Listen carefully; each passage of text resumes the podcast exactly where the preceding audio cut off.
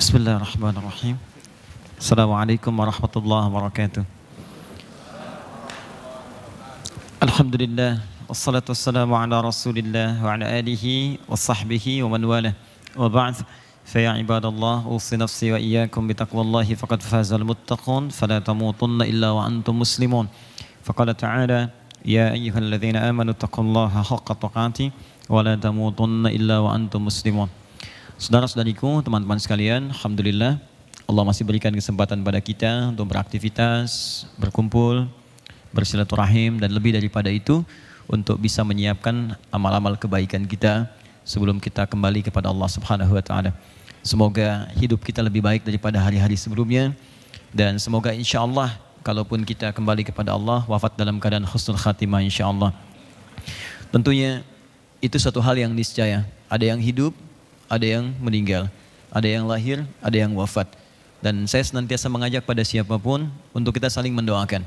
Kalau ada yang lahir kita doakan, lahir dalam keadaan yang lancar, baik, kemudian juga berkah dan menjadi anak yang soleh di kemudian hari. Kalau ada yang wafat kita sama-sama mendoakan dan kita sokong dengan kebaikan, semoga wafatnya juga soleh di hadapan Allah dan juga kita dorong anak keluarganya, kemudian juga ahli keturunan warisnya supaya memperbanyak amal soleh. Kita ajak, diingatkan. Kalau lupa diingatkan. Ayo sedekah yuk, ayo korban yuk, kan? Ayo kemudian kita beli mushaf yuk, niatkan untuk ayah yang wafat atau ibu yang wafat, itu pahalanya mengalir. Jadi jangan pelit untuk berbagi amal soleh dan mengingatkan dalam kebaikan. Karena itu di Quran itu banyak ayat-ayat untuk mengajak orang itu sama-sama beramal soleh. Banyak, ada yang kepada teman, pada saudara, bahkan ada yang pengusaha, temannya lupa berzakat itu boleh kata Al-Quran, ingatkan dia, kalau punya kewenangan bahkan ambil. Ya, Quran surah ke-9 ayat 103. Khudh min amwalihim sadaqah. Kalau engkau sayang dengan saudaramu, ayo ingatkan dia untuk berzakat. Kalau punya kewenangan bahkan ambil, saking sayangnya supaya dia punya nilai di sisi Allah subhanahu wa ta'ala. Nah, teman-teman sekalian, hari ini, ini hari spesial. Karena itu saya mohon izin, karena suasananya sangat spesial, saya akan bahas sesuatu yang sangat spesial yang cuma terjadi setahun sekali. Dan kalau kita nggak bahas sekarang, kita mesti nunggu tahun depan. Itu pun kalau diizinkan kita hidup oleh Allah Subhanahu wa taala. Karena itu saya mohon izin untuk dibahas sekarang dan nanti kita atur waktu supaya bisa diskusi dan mudah-mudahan dengan itu ada banyak manfaat yang bisa kita dapati insya Allah. Baik, sekarang tanggal berapa? Tiga. Tanggal dua sekarang. 2 Zulhijjah ya, 1440 Hijrah, kemudian 3 Agustus ya, tahun 2019 Masehi. Kenapa saya tanya yang Hijriahnya? Karena 2 Zulhijjah itu termasuk tanggal yang sangat spesial yang langsung keistimewaannya disebutkan oleh Nabi Shallallahu Alaihi Wasallam.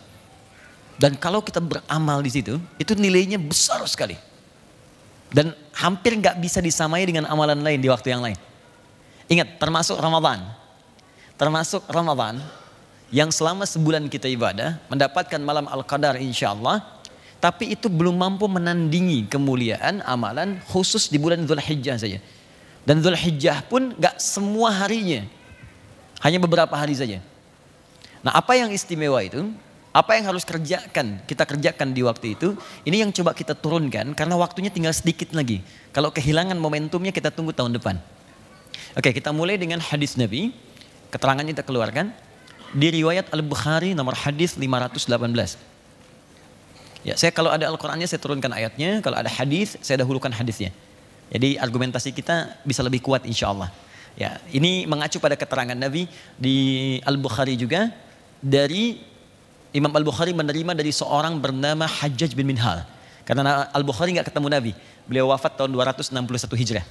Ya Al-Bukhari menerima dari Hajjaj bin Minhal, Hajjaj bin Minhal menerima dari Syu'bah, Syu'bah menerima dari Al-Qamah bin Marfad, Al-Qamah bin Marfad menerima dari Sa'ad bin Ubaidah, Sa'ad bin Ubaidah menerima dari Abi Abdurrahman As-Sulami, Abu Abdurrahman As-Sulami menerima dari Uthman bin Affan dan Ali bin Abi Thalib radhiyallahu taala anhu, mereka yang berjumpa dengan Nabi sallallahu alaihi wasallam.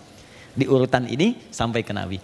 Nabi katakan khairukum man ta'allama al-Qur'ana wa 'allamah Ya yang terbaik di antara kalian adalah orang yang mau belajar Al-Quran dan mengamalkannya. Jadi kalau kita keluarkan isi Quran, itu akan membuat kita lebih baik.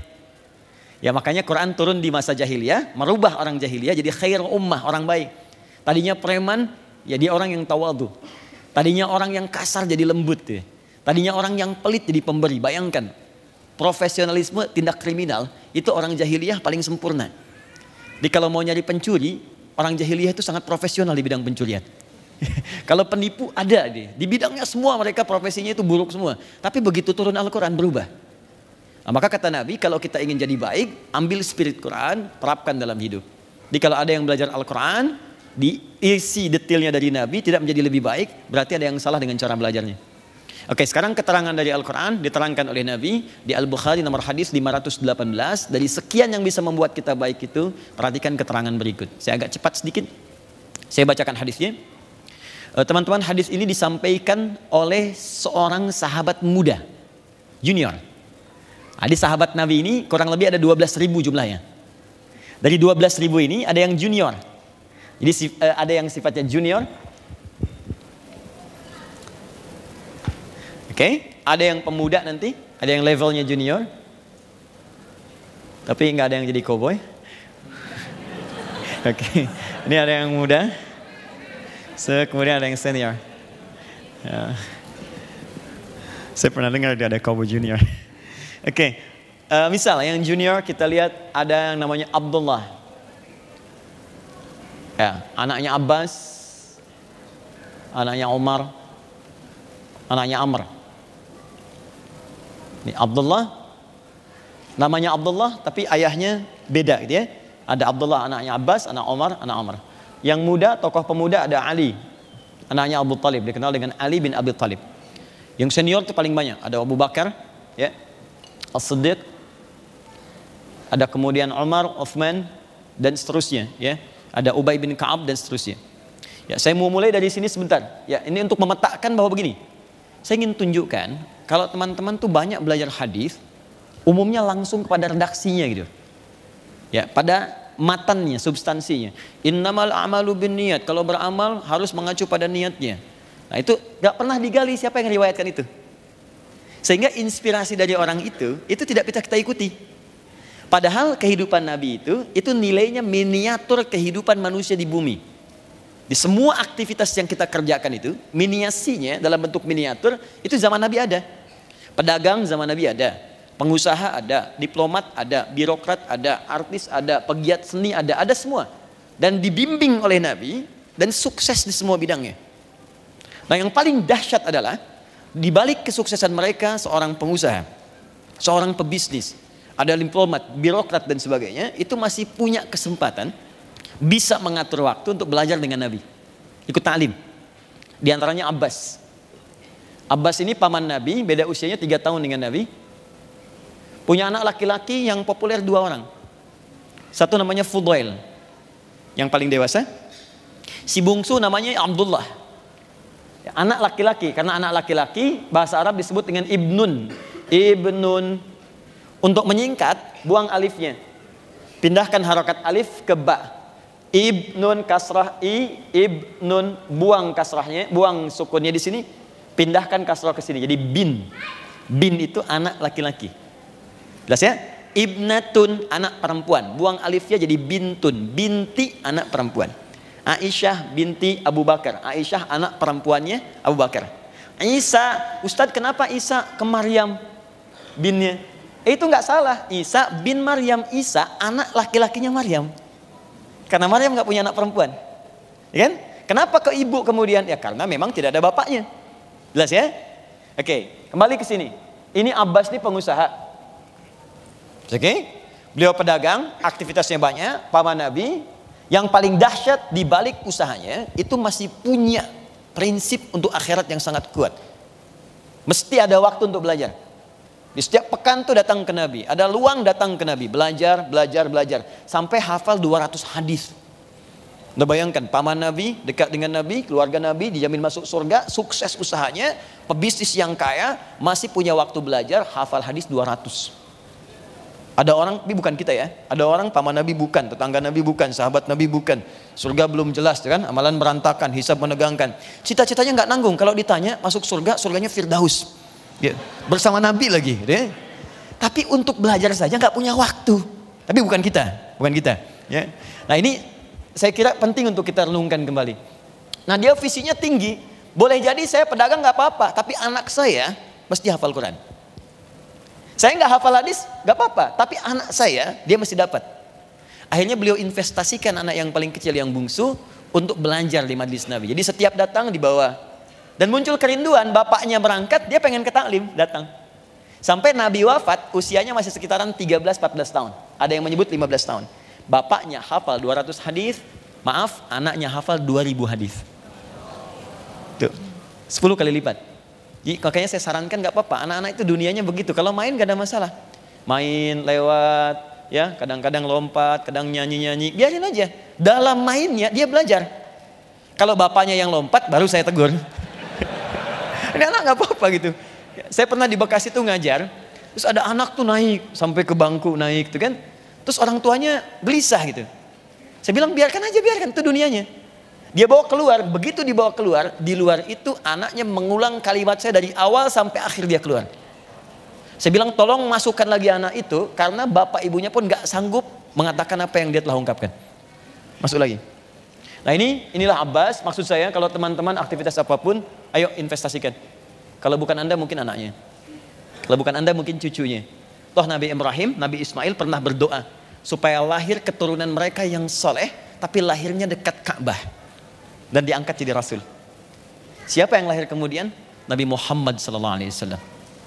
Itulah satu-satunya nabi yang lahir di dekat wilayah Ka'bah. Nabi Muhammad. Yang doa siapa? Nabi Ibrahim, Nabi Ismail. Pertanyaannya apakah Nabi Ibrahim, Nabi Ismail berjumpa dengan Nabi Muhammad? Tidak. Bahkan bedanya sangat jauh, 30 generasi. Muhammad bin Abdullah bin Abdul Muttalib bin Hashim bin Abdul Manaf bin Qusay bin Murrah bin Kilab bin Ka'ab bin Ghalib bin Fihir bin Malik bin Nadar bin Kinana bin Khuzaimah bin Mudrikah bin Ilyas bin Nizar bin Mudar bin Ma'ad bin Adnan bin Adi bin Adri bin Muqawwam bin Nahur bin Tarikh bin Ya'ruf bin Yasud bin Nabit bin Ismail alaihissalam bin Ibrahim alaihissalam 30 generasi. Ayo ulangi. 30 jadi yang minta kakek buyutnya yang jadi cucu jauhnya Mungkin Anda begitu masuk majlis taklim, Anda berdoa ya Allah jadikan keluarga kami ahli Quran. Mungkin yang jadi bukan anak Anda tapi cucu dari itu dia hafal 30 juz dengan tafsirnya, dengan fikihnya dan sebagainya insya Allah. Ya, apa hadisnya? Jadi maksud saya gini ya, kita malu nih yang riwayatkan hadis ini itu anak kecil. Dan setiap di ilmu hadis tuh gini, setiap ada anak meriwayatkan hadis, maka sebagai penghormatan bagi orang tuanya, nama anak itu akan dihilangkan, yang disebut nama orang tuanya. Abdullah anak laki-lakinya Abbas, anak laki-laki Ibnun disingkat jadi bin. Abdullah bin Abbas ditutup Abdullahnya disebut Ibnu Abbasnya. Maka muncul istilah dari Ibnu Abbas, dari Ibnu Abbas, dari Ibnu Abbas. Anak laki-lakinya Abbas. Semoga Allah meridhoi keduanya. Ini pesan di ilmu hadis, kalau ada orang tua berbuat baik untuk anaknya, maka semua kebaikan anak akan terlimpah pahalanya pada orang tua tanpa dikurangi sedikit pun. Boleh saya titip pesan ya? Dan saya sangat serius untuk menyampaikan ini. Kalau Allah anugerahkan titipan anak, baik terlahir dari rahim anda yang perempuan, ataupun Allah titipkan lewat sisi yang lain, demi Allah saya katakan, kalau mau ngajarin ngaji, tolong Al-Fatihahnya anda sendiri yang ngajarkan. Walaupun cuma Bismillahirrahmanirrahim. Tolong ajarkan. Karena itu akan ia bawa seumur hidupnya. Dan 17 kali dia akan bacakan dalam hidupnya. Maka jangan berikan pahalanya untuk orang lain. Ajarkan di lisan anda, Begitu dia bisa mengucapkannya, maka semua hidupnya mengalir pahala untuk Anda. Oke, yuk kita bacakan hadisnya, saya cepat. Qala Rasulullah sallallahu alaihi wasallam, satu kali Rasulullah sallallahu alaihi wasallam pernah menyampaikan. Halo sana. Fadal, silakan. Saya izin saya. Baik. Saya mohon maaf duduk sedikit lebih tinggi dari teman-teman yang lainnya tidak mengurangi kemuliaan Anda di hadapan Allah insyaallah. Mamin ayamin tidak akan pernah Anda temukan perjalanan hari. Al amalus salihu fiha ahabbu ilallah. Saat Anda beramal soleh di hari-hari ini, maka amalannya akan naik status, diupdate langsung, diupgrade bahkan dinaikkan oleh Allah. Perhatikan kalimatnya.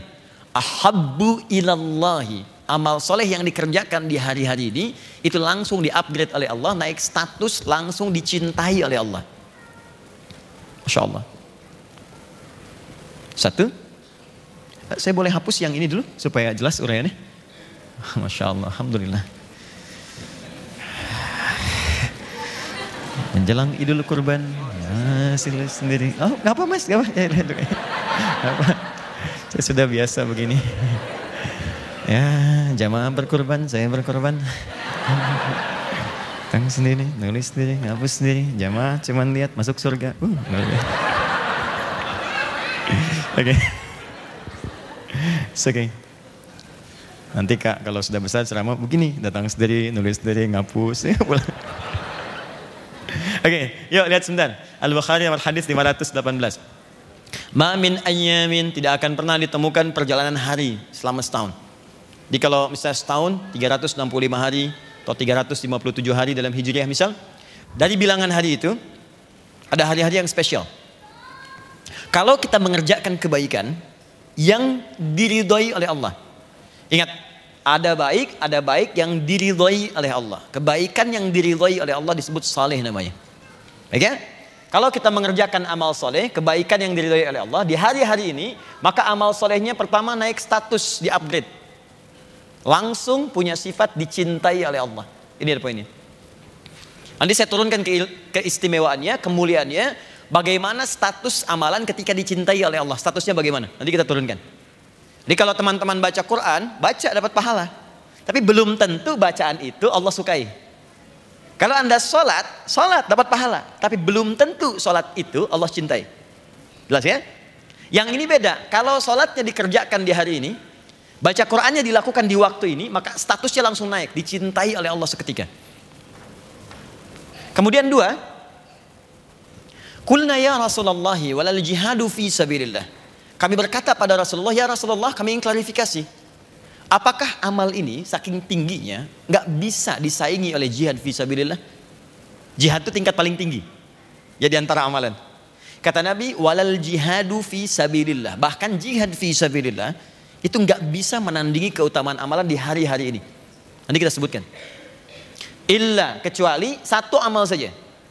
Yang ini puncak amalan, yang lain nggak bisa tandingi illa rajulun kharaja bi nafsihi wa malihi wa lam yarji' min dzalika bi Kecuali ada seseorang yang dia berjuang dengan harta dan jiwanya. Please. Uh, jadi teman-teman mohon izin ya. Saya tidak bermaksud mengajari, hanya mengingatkan. Amal itu dibagi tiga. Di amalan dengan fisik, ya tubuh, yang tidak menggunakan harta. Contoh sholat. Makanya sholat gak ada orang sholat bayar kan? Saya mohon izin Pak, mau sholat di Masjid Bintaro, Masjid Raya Bintaro. Oh sholat apa? Sholat duha. Mau berapa rakaat? Ngambil yang delapan. Baik, setiap rakaatnya lima puluh ribu. Gak ada. Dia orang sholat ya sholat, fisik dia, fisikal. Ada ibadah yang kedua, itu ibadah harta saja. Gak pakai fisik. Ya, nggak ada keterlibatan fisik di situ, kecuali sedikit saja. Harta, harta, harta. Contoh zakat, infak, ya, itu amalan harta. Jadi kalau teman-teman sedang seperti ini ada kotak, saya kan lewat, nah itu bukan mobil-mobilan, kotak infak. Ya, nah, kalau anda ingin beramal, anda masukkan silakan. Ya, makanya dituliskan di situ kotak infak isi geser, itu. Ini cuma digeser. Kalau ada silahkan. Nah ada yang ketiga, perhatikan baik-baik. Ada amalan yang menggabungkan antara fisik dengan harta. Saya mau kasih ilustrasi ya, mohon izin ya, mohon izin sekali. Ibadah fisik saja itu pahalanya tinggi.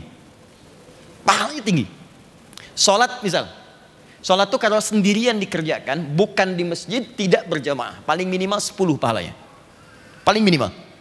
Tahu dari mana Ustaz? Quran surah ke-6 ayat 160. Kita perbandingan sedikit. Quran surah 6 Al-An'am ayat 160. Man bil hasanati. Siapa yang mampu mengerjakan satu kebaikan yang bernilai pahala.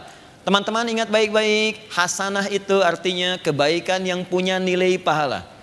Di saat dikerjakan, maka pahala dituliskan, itu hasanah namanya. Nanti di akhirat, hasil pahala itu dikalkulasi, diwujudkan dalam bentuk hadiah pemberian, surga itu. Makanya kita minta di dunia itu setiap perbuatan harus jadi pahala, harus jadi hasanah. Makan jadi hasanah, minum jadi hasanah, sholat jadi hasanah. Makanya kita sering berdoa kepada Allah, dunia semua perbuatan jadi hasanah, di akhirat hasanah diberikan kepada kita nilainya. Maka turunlah Quran surah kedua Al-Baqarah ayat 201, paling kanan sebelah bawah di mushaf untuk menyampaikan berita itu. Wa minhum may rabbana atina fid dunya hasanah wa fil akhirati hasanah. Jadi di dunia dapat hasanah, di akhirat diberikan nilainya. Kalau orang sudah punya banyak koleksi pahala, maka dia akan terbebas dari neraka. Terbebas dari neraka. Makanya ayatnya diteruskan, waqina ada benar. Nah, salat itu termasuk perbuatan hasanah. Saat dikerjakan ada pahala. Karena itu salat disebut dengan hasanah. Quran surah ke-11 ayat 114. Aqimis salata tarafain nahar wa zulafan minal lail innal hasanati yudhibna sayyat. Ya kata Allah, tunaikan salat dengan benar dari mulai dua sisi siang, subuh sampai dengan ke asar. Kemudian sampai ke malam, ke maghrib teruskan ke isya. Innal hasanat. Salat itu, semua salat yang dikerjakan bentuknya jamaah, itu dia hasanat. Jadi punya nilai pahala. Saat dikerjakan dapat pahala. Berapa pahalanya? Mohon izin, ketika Anda mulai takbir selesai salam, kalau sendirian, tidak berjamaah, dan bukan di masjid, 10 nilainya. Dari mana taunya? Kembali ke Quran surah ke-6 ayat 160. Manja'a bil hasanati. Siapa yang mengerjakan satu perbuatan hasanah, maka poinnya falahu asyru amthaliha, 10 poinnya. Nah, poin 10 itu jangan dihitung 1, 2, 3, 4, tidak. Poin 10 itu, satu keduanya bisa 500 tahun. Dua ketiga bisa 500 tahun. Dan nanti saat akan wafat dalam sakarat ditampakkan. Makanya banyak orang menyesal. Ya Allah kenapa saya nggak kerjakan tahajud? Ya Allah kenapa saya nggak tahajudnya nambah rakaat? Ya Allah kenapa saya nggak duha? Ditampakkan semua kebiasaannya. Termasuk yang maksiat pun ditampakkan, makanya gelisah. Ya, akan terjadi teman-teman. Itu saat kita akan pulang. Dan kita akan wafat. Kalau kita nggak berbekal sekarang, maka malu kita menghadap Allah. Apalagi banyak berbuat maksiat. Saya, saya demi Allah tadi, tadi pagi saya katakan, Anda saja berbuat yang kotor, anda misalnya orang Sumatera, merantau ke Jakarta. Di Jakarta dikenal sebagai penjahat yang sangat ulung. Perampok, pembunuh, pemabuk, segalanya. Tanyakan pada jiwa Anda. Apakah Anda mampu pulang ke Sumatera menatap ibu yang telah melahirkan Anda? Berani nggak natap, natap wajah ibu Anda yang melahirkan Anda? Dan Anda dikenal sebagai penjahat yang sangat buruk. Pelaku maksiat. Berani nggak natap wajah ayah Anda? Yang telah mendidik Anda, menyayangi Anda, menemani Anda saat tidur. Berani nggak? Dengan hal yang sama, Anda berbuat banyak maksiat, berani nggak menghadap Allah di kemudian hari dengan maksiat yang dikumpulkan? Apa nggak takut ya? Makanya ketika kita kumpulkan bekal itu untuk pulang, karena sudah saat kita pulang. Dan semua akan ditampakkan. Nampak saat sekarat, tampak, tampak, tampak. Nah ini hasanah, poinnya 10. Nah yang paling menarik adalah, saya kembalikan lagi, perhatikan baik-baik. Ini poin 10. Kalau berjamaah 27. Dalilnya salatul jamaati afdalu min salatil fardi bisam'in wa isyrina daraja. Salat jamaah lebih utama daripada sendirian pahalanya 27. Kalau dikerjakan di masjid, mampu ke masjid, itu baru datang masjid langsung dapat 25 di hadis muslim. 25 itu dihitungnya kayak tadi. Satu kedua 500 tahun, dua ketiga 500 tahun. Kalau anda kerjakan lagi, mohon izin, tambah lagi, tambah lagi, naik lagi, naik lagi, naik lagi. Ini fisik. Yang harta, karena tidak semua memilikinya, maka digandakan lebih daripada yang fisik. Minimal 700 kali lipat. Dalilnya Quran surah kedua ayat 261, paling kiri sebelah atas. Anda infak. Keluarkan, keluarkan, keluarkan. Tidak semua bisa infak. Kalau sholat semua bisa. Karena itu zero tolerance. Tidak ada toleransi kecuali kematian. Tidak bisa berdiri, boleh sholat sambil duduk. Tidak bisa duduk, boleh sambil berbaring. Sambil berbaring sulit dengan berkedip. Tak bisa berkedip, kita sholatkan. Ada semua. Selesai. Tapi harta tidak, tidak semua orang bisa.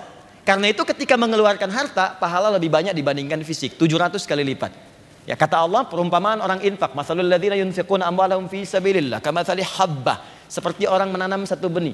Ambatat sab'a sanabil. Tumbuh jadi tujuh. Satu kali tujuh. Fikulli sumbulati mi'atu habbah. Setiap tangkainya kalikan 100 benih lagi. Satu kali tujuh kali 100, 700 kali lipat. Sekarang, kalau ada orang yang mampu menggabungkan keduanya. Fisik dan harta. Berapa pahalanya? Sedang gak ada hitungan lagi surga pahalanya. Ibadah fisik dan harta kalau digabungkan, kalau benar ibadahnya, itu pahala yang sebanding gak ada yang lain kecuali surga. Contoh paling besar, jihad fisik dengan harta. Konkretnya seperti yang haji sekarang. Bukankah untuk haji mengumpulkan harta dulu? Ada yang jual tanah, jual kebun, jual pakaian, jual emas. Kemudian mohon izin, bukankah di sana ada ibadah fisik? Tawaf, berputar, sa'i. Makanya Nabi memberikan apresiasi tinggi ketika berhasil hajinya Perhatikan kalimat nabinya. Al-hajjul mabruru laisa lahul jaza illal jannah. Haji yang berhasil merubah pribadinya menjadi baik. Eh, teman-teman izin haji mabrur itu bukan haji yang diterima. Kalau haji yang diterima namanya haji makbul. Ingat itu. Mabrur dari kata birrun. Birrun itu artinya kebaikan yang muncul setelah yang kotornya hilang. Setelah yang tidak baiknya hilang. Disaring, yang kotor keluar. Marahnya hilang, muncul sabar. Maaf, sombongnya hilang, tawadunya muncul. Di ketika yang kotornya dibuang, baik yang muncul birrun namanya. Orang haji itu dia mengoreksi diri saat Arafah. Dia kenali sifat buruknya. Begitu dia kenali, kenali, kenali, dia bertobat. Ini yang sering memplesetkan saya. Ini yang sering menjadikan saya buruk. Dikenali pertama nafsu saya. Nafsu ini faktor pertama bukan karena orang lain. Ketika seseorang berbuat salah, itu bukan faktor eksternal yang pertama. Pertama internal, karena ketidakmampuan mengendalikan nafsu dia. Anda duduk depan rumah, tiba-tiba lewat kawan. Terus dia nggak nyapa. Anda marah misalnya. Marah itu bukan karena dia nggak nyapa, karena Anda tidak mampu mengendalikan amarah. Sebenarnya sederhana, dia nggak nyapa, kita sapa. Eh hey bro, apa kabar akhi? Assalamualaikum. Wih, waalaikumsalam. Maaf gak kelihatan. Iya udah gede gini masih belum kelihatan juga. Selesai. Tapi karena nggak mampu mengendalikan amarah, marah. Nah faktor terbesar dalam nafsu yang tidak bisa dikendalikan, sulit itu disebut dengan akobah namanya. Akobah. Kadang-kadang kita bisa kendalikan, cuma maaf ya, lingkungan terdekat memengaruhi kita berbuat buruk. Suami baik, istri agak kurang. Papa gimana sih? Papa ini udah empat tahun jadi bupati, Pak. Tinggal setahun lagi. Masa yang camat aja udah Ferrari? Papa masih Avanza. Naik tiap hari gitu begitu ya. Sehingga dia berubah. Atau terbalik. Istri saleha. Dia pakai jilbab bagus, baik. Suami kebalik. Mama papa ada family gathering sebentar aja 30 menit semuanya nggak pakai kerudung. Mama copot dulu kerudungnya. Diperintahkan untuk melepaskan jilbabnya. Terbalik. Atau ayah ibu baik, anak yang kurang baik karena lingkungan. Maka ini pengaruh sekitaran disebut usta namanya. Usta. Ada ayah baik, ibu baik, anak baik. Cuman ayah dapat mutasi pekerjaan. Pindah ke kantor, dapat lingkungan yang nggak baik. Diajarin cara nyogok, diajarin cara merubah angka, ya kan? Diajarin manipulasi, diajak ke tempat mulai olahraga bergeser. Ya, ada sedikit bumbu maksiatnya. Itu faktor jauh, ula namanya. Walal akhirat khairul laka ula. Jauh dia, kecil nilainya. Maka itu yang sering membuat terpeleset. Dalam bahasa Arab disebut dengan zalafa. Zalatil lisan.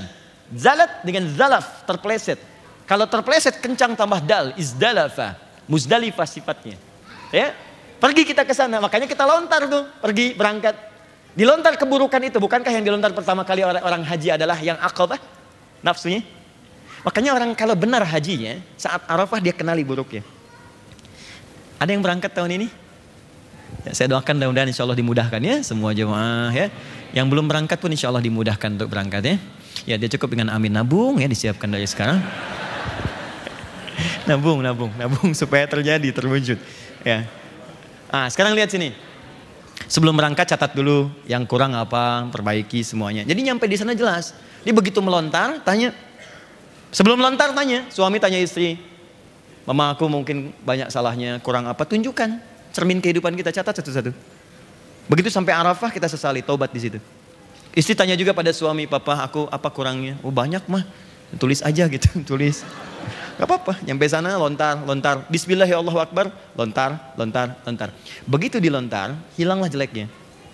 Maaf ya, amarah hilang, sombong hilang, riak hilang, tersisa yang baiknya. Nah ketika yang baik ini muncul, birun namanya. Kalau melekat pada orangnya, maka berubah kata birun jadi mabrur namanya.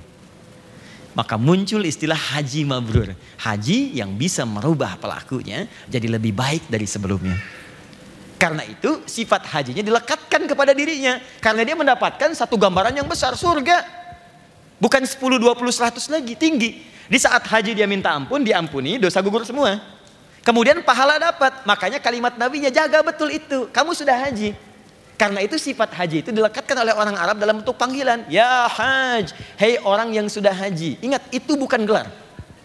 Kalau anda sudah haji, kemudian dipanggil Pak Haji, Bu Haji, itu kalimat yang Allah titipkan lewat lisan orang lain untuk mengingatkan kita. Kamu sudah diampuni dosa ya, banyak pahala. Jangan lagi berbuat maksiat untuk menukar surgamu. Ingat baik-baik. Jangan kita kemudian jadikan sebagai gelar karena ibadah nggak ada gelarnya. Silahkan cek kalau ada gelar di ibadah, tentu di Islam akan banyak gelar. Gelar tanpa wisuda. Adi Hidayat SHI, Salat Haji Infak.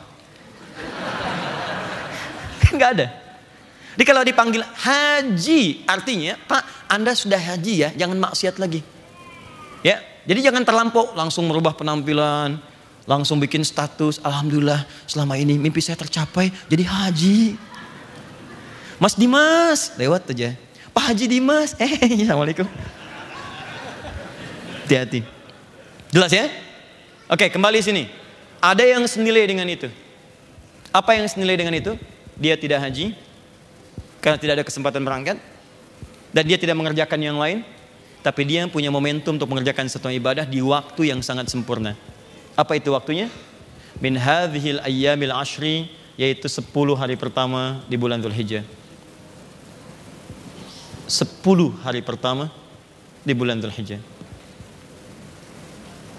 Oh, saya tidak main-main dengan kalimat ini, ini kalimat Nabi. Perhatikan kalimatnya. Ya'ni min hadhil ayyamil ashri. Yang saya maksud kata Nabi, 10 hari pertama di awal Zulhijjah. Di kalau teman-teman melakukan amalan di awal pertama bulan Zulhijjah, 1 sampai dengan 10, itu pahalanya, perhatikan baik-baik. Pertama, amalan akan di-upgrade langsung oleh Allah menjadi amalan yang dicintai oleh Allah. Kedua, nilainya senilai dengan jihad fi sabilillah. Yang kalau saat amalan itu dikerjakan Anda wafat, statusnya mujahid dan syahid. Syahid. Kalau ada hidayat yang menyampaikan, Anda boleh tinggalkan. Tapi kalau Nabi yang janjikan, apakah ada sifat dusta pada diri Nabi? Sedangkan beliau al-amin yang sangat dipercaya. Jelas ya? Saya ulangi, ini tidak main-main. Amalan dicintai oleh Allah dan status amalnya naik menjadi jihad senilai dengan jihad kalau wafat mengerjakannya syahid. Anda baca Quran di luar 10 hari ini. Pahalanya 10 setiap huruf. Tapi kalau masuk di waktu ini, Anda baca langsung naik status. Dicintai oleh Allah dan sedang senilai dengan jihad. Setiap hurufnya jihad, setiap hurufnya jihad. Wafat sedang baca Al-Quran, seketika syahid fi sabilillah. Kapan waktunya? 10 hari pertama di bulan Dzulhijjah. Kita sudah kehilangan hari pertama. Kemarin Jumat hilang satu kesempatan. Sekarang hari Sabtu, hari yang kedua. Kita punya kurang lebih 7 sampai 8 hari ke depan untuk memaksimalkan ini. Sekarang pertanyaannya, amal apa yang penting dikerjakan di sisa waktu ini sehingga status kita bisa dinaikkan dengan dua hal yang paling utama yang dimaksudkan. Ini mukaddimah yang saya sampaikan. Sekarang kita masuk kepada inti bahasannya. Jelas sampai di sini? Nanti kita bagi waktu untuk diskusi ya. Bismillah. Amalan apa yang dikerjakan di awal bulan Zulhijjah sehingga mendapatkan dua keutamaan. Satu dicintai oleh Allah, yang kedua amalan itu naik status menjadi amalan sendiri dengan jihad fi sabilillah. Teman-teman tolong buka dulu Quran surah ketiga Ali Imran ayat 31. Saya akan mulai pada bagian yang pertama dulu. Quran surah ketiga ayat 31 paling kiri sebelah atas di mushaf. Ada ayatnya? Qul in kuntum tuhibbunallaha fattabi'uni yuhibbukumullahu wa yaghfir lakum dzunubakum. Ada ayatnya? Oke. Okay. Sekarang fokus lihat baik-baik. Qul katakan Muhammad sallallahu alaihi wasallam in kuntum tuhibbunallaha jika kalian semua, maksudnya umat-umat Nabi Muhammad, hamba-hamba Allah, serius mencintai Allah, fattabi'uni, maka buktikan cinta itu kepada Allah dengan cara mengikuti petunjuk Nabi. Dikata Allah, kalau kalian mencintaiku, ini aku kasih cara bagaimana mencintaiku. Aku berikan kuncinya. Aku berikan bimbingannya kepada Muhammad wasallam. Ikuti Nabi Muhammad, engkau dapatkan cintaku. Jelas ya? Ya, saya sering katakan, ingat ya, cinta itu kaidahnya butuh pembuktian.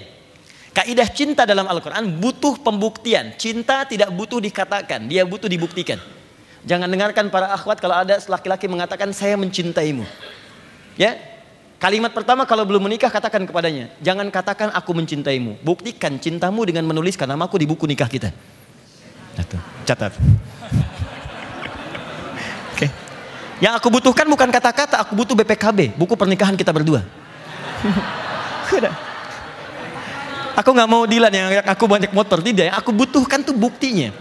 Ya, sentuh ia tepat di hatinya, maka ia akan jadi milik untuk selamanya. Paham ya? Oke? Okay? Nah sama, Anda cinta pada anak kan butuh pembuktian. Anda berikan dia hadiah, Anda berikan dia kasih sayang, anda cinta pada pasangan, Anda berikan pembuktian. Maka kita cinta pada Allah, buktinya apa? Kata Allah, saya butuh pembuktian. Butuh pembuktian. Iman itu kaidah cinta kepada Allah. Buktinya amal soleh. Maka kalau Anda ingin mencintai saya, kata Allah, buktikan ikuti Nabi. Saya utus nih, supaya mempermudah kalian menemukan saya. Nah, poinnya bukan itu yang mau saya bahas. Yang ingin saya bahas adalah, yuhbibkumullah. Ini poinnya. Maka ketika Anda bisa membuktikan itu, Allah akan cintai Anda. Apa kaitan dengan bahasan kita? Ketika sebuah amalan dicintai oleh Allah, maka kita akan mendapatkan sebuah anugerah terbesar yang Allah berikan kepada kita. Yang tidak diberikan pada amalan lain. Apa pemberian Allah itu? Bukan dunia, tapi ampunan dari semua dosa yang pernah dikerjakan. Wa yaghfir lakum dzunubakum. Ampunan semua dosa. Eh, teman-teman, ada zunub, ada zambun itu beda. Zunubun ada zambun itu lain. Kalau yang ini zambun yang saya lingkari, ini sekali dosa, satu dosa. Jadi kalau ada orang berbuat sekali dosa, Allah tidak menginginkannya. Kata Allah jangan pulang kecuali engkau bersihkan dulu dosa itu. Maka aku turunkan satu sifat untuk menggugurkan satu dosa itu. Namanya ghafir. Turun surah ke-40, surah ghafir, ayat ketiga. Ghafiri dhambi wa qabilit taubi. Kalau ada orang berbuat satu kali dosa dan dia salah, kata Allah kamu urus dulu dosa itu, bersihkan dulu. Karena di akhirat lebih besar hisabnya. Jangan pulang dulu sebelum engkau hapuskan semua itu. Aku beri kesempatan. Kalau engkau mau memperbaiki diri, aku akan turunkan sifat ghafir untuk menerima taubatmu. Turun, diampuni. Sifat manusia nggak sekali salah. Karena manusia itu tempat salah, ingat. Yang sempurna itu malaikat, ingat kalimat ini. Yang sempurna hanya malaikat. Jangan harapkan kesempurnaan dari manusia. Quran surah ke-66 ayat yang ke-6. La ya'sunallaha ma amarahum wa yaf'aluna ma yu'marun. Malaikat sifatnya sempurna, tak pernah bisa bermaksiat. Karena diciptakan dengan sifat kesempurnaan berbuat baik. Di lawannya setan.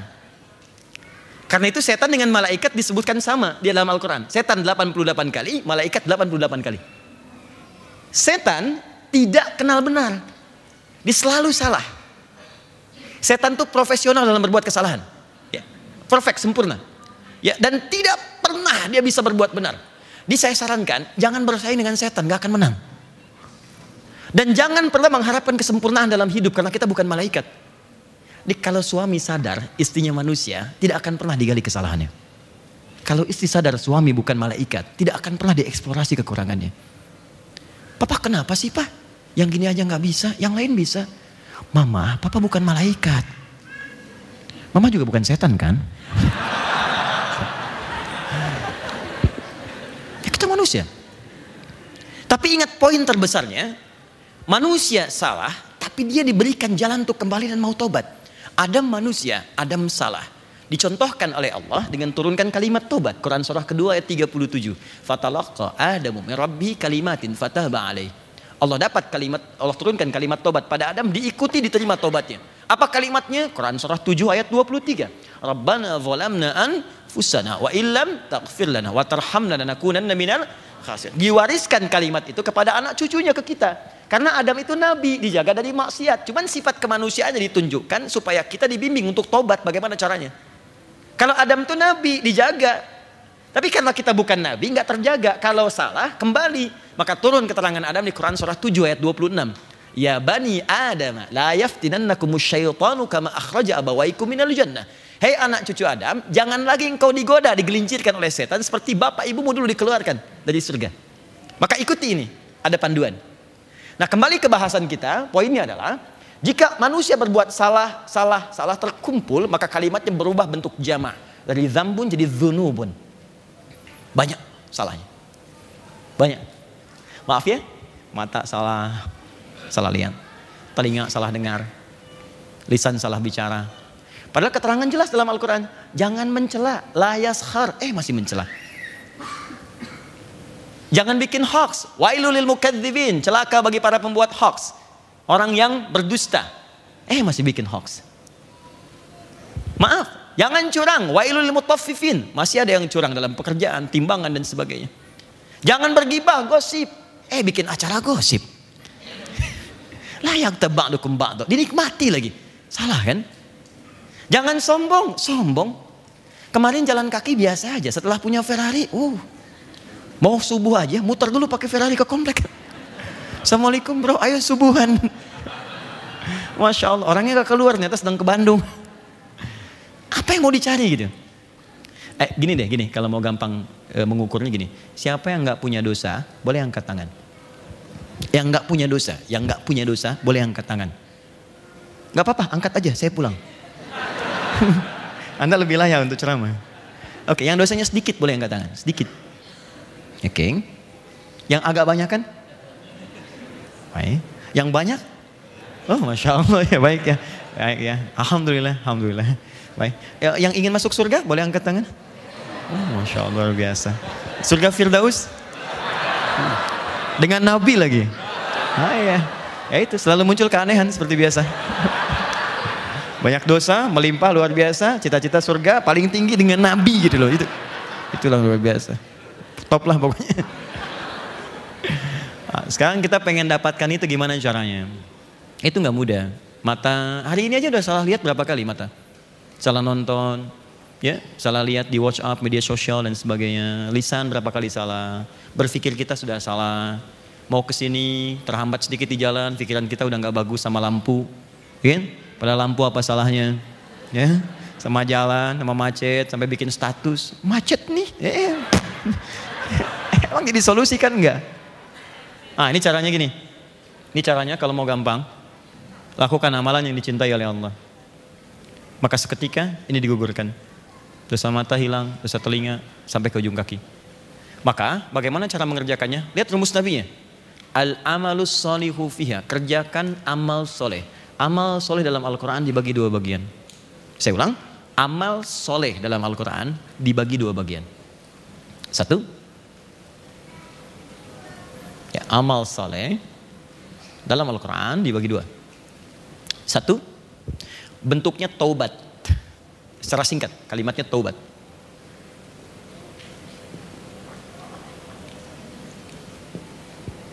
Bagi yang pernah berbuat salah, jadi merasa salah, terus kita tinggalkan kesalahan itu. Kita taubat. Ya, dalilnya Quran surah keempat An-Nisa ayat 17 ya, sampai 18. Innamat taubatu 'ala Allahi lilladzina ya'maluna su'an bijahalatin thumma yatubuna min qarib. Pelan-pelan. Quran surah keempat ayat ke-17 sampai 18. Fokus. Di amalan pertama apa? Taubat. Ah, jadi mohon izin ya maaf sekali mumpung masih di awal-awal ini masih ada tujuh hari ke depan. Yuk kita isi, katanya mau ke surga. Saya tuh gini ya, eh, kadang kalau malam pulang, Suka ngelihat gitu, kadang pulang tengah malam jam 12, jam 1, kadang-kadang menjelang fajar. Saya lihat anak saya tertidur gitu. Dari yang paling besar sampai yang paling kecil. Saya suka pandang dulu wajahnya. Saya lihat istri saya.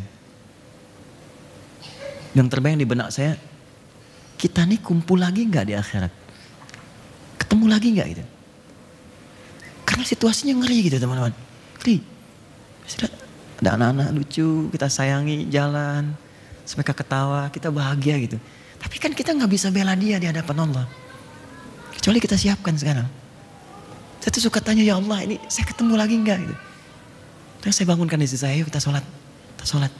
Mudah-mudahan kita ketemu lagi, kita minta sama Allah anak kita. Karena berat gitu. Ya wa fasilati wa akhi wa man fil ardi jami'a. Anak ninggalkan ibu, ya ibu ninggalkan ayah. Jadi sekarang gambarkan gini ya, terjadi kebakaran di gedung ini. Anak kita tertinggal, dia teriak. Kan kita tuh histeris kan. Anak saya, anak saya. Nanti di akhirat ada anak yang akan memanggil ibunya, Mama tolong saya, Mama tolong saya, Ayah tolong saya. Dan Anda nggak bisa berbuat apa-apa gitu. Apa yang Anda bisa lakukan? Dan situasi itu kita sadari betul. Tapi kita nggak berbuat apa-apa saat di dunia. Apa yang mau Anda lakukan? Mesti ada satu episode dalam hidup kita itu kita duduk dan berpikir bahwa kita akan wafat, kita pulang. Kita perbaiki. Nah cara memperbaikinya dengan taubat ini. Duduklah satu keluarga duduk. Ya, koreksi diri. Yang di haji, dia wukuf di Arafah. Puncaknya yang di kita, itu puasa. Persis di waktu yang sama. Sana tanggal 9 wukuf, di sini tanggal 9 puasa. Dengan nama yang sama. Hadisnya sahih. Saya bacakan hadisnya. Perhatikan kalimat hadisnya. Siyamu yaumi arafata anni ahtasibu ala Allah an yukaffira sanati allati qablahu wa sanati allati ba'dahu. Puasa di waktu yang bersamaan dengan wukuf orang yang di Arafah, momentumnya maksudnya. Ya, jadi waktunya tanggal 9 ditunjukkan dengan kata yaum. Yang dikerjakan di tanggal 9 itu seperti orang wukuf.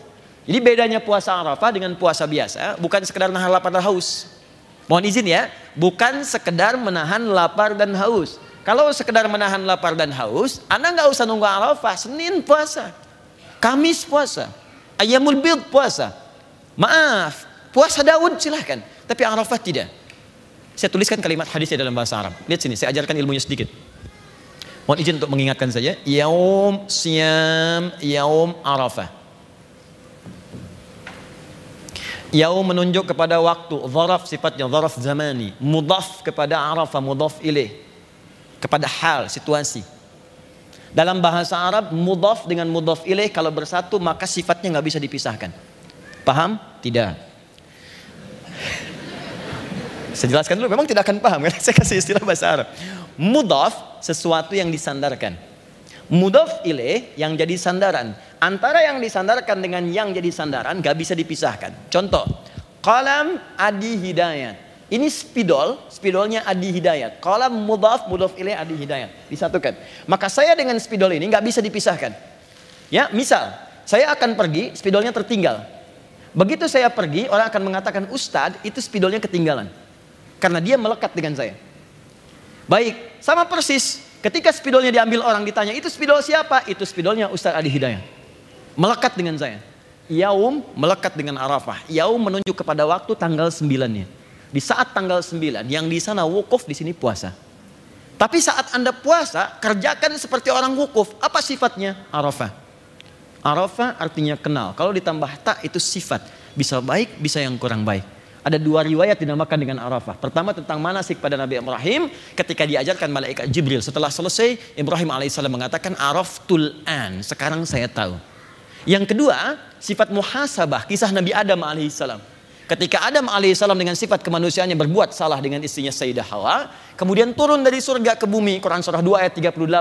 Adam konon dalam sejarah diturun di wilayah Asia Selatan India. Hawa di wilayah yang sekarang disebut dengan Jeddah. Jeddah nenek. Kalau teman-teman haji atau umrah nanti ke Jeddah, di sisi Laut Merah, lurus dikit, perempatan pertama sebelah kiri itu ada sepeda ontel agak besar. Kemudian lurus lagi, sebelah perempatan kanan kiri lurus, sebelah kanannya persis nyebrang dikit, itu ada bangunan batu bata yang tidak sempurna, warnanya coklat marun, merah marun. Itu di situ tulisannya Makbaroh Sayyidah Hawa, kuburannya Sayyidah Hawa. Baik ya, kata sejarawan bukan kuburan, tapi itu Hawa pertama diturunkan di situ. Jadi Hawa turun di Jeddah, Adam turunnya di India, kedua berkelana mencari. Sampai satu titik setelah berpetualang itu, dari jauh ternampak seperti kelihatan ini saya kayaknya kenal nih kalau bahasa kita. Yang ketawa iya kayaknya saya tahu nih. Ya pantas tahu karena di bumi cuma ada dua orang pada saat itu, nggak ada yang lain. Adam dengan Hawa, yang lain belum ada. Belum ada Tengku Wisnu, belum ada Shirin, ada Adam dengan Hawa. Baik, diturun tuh.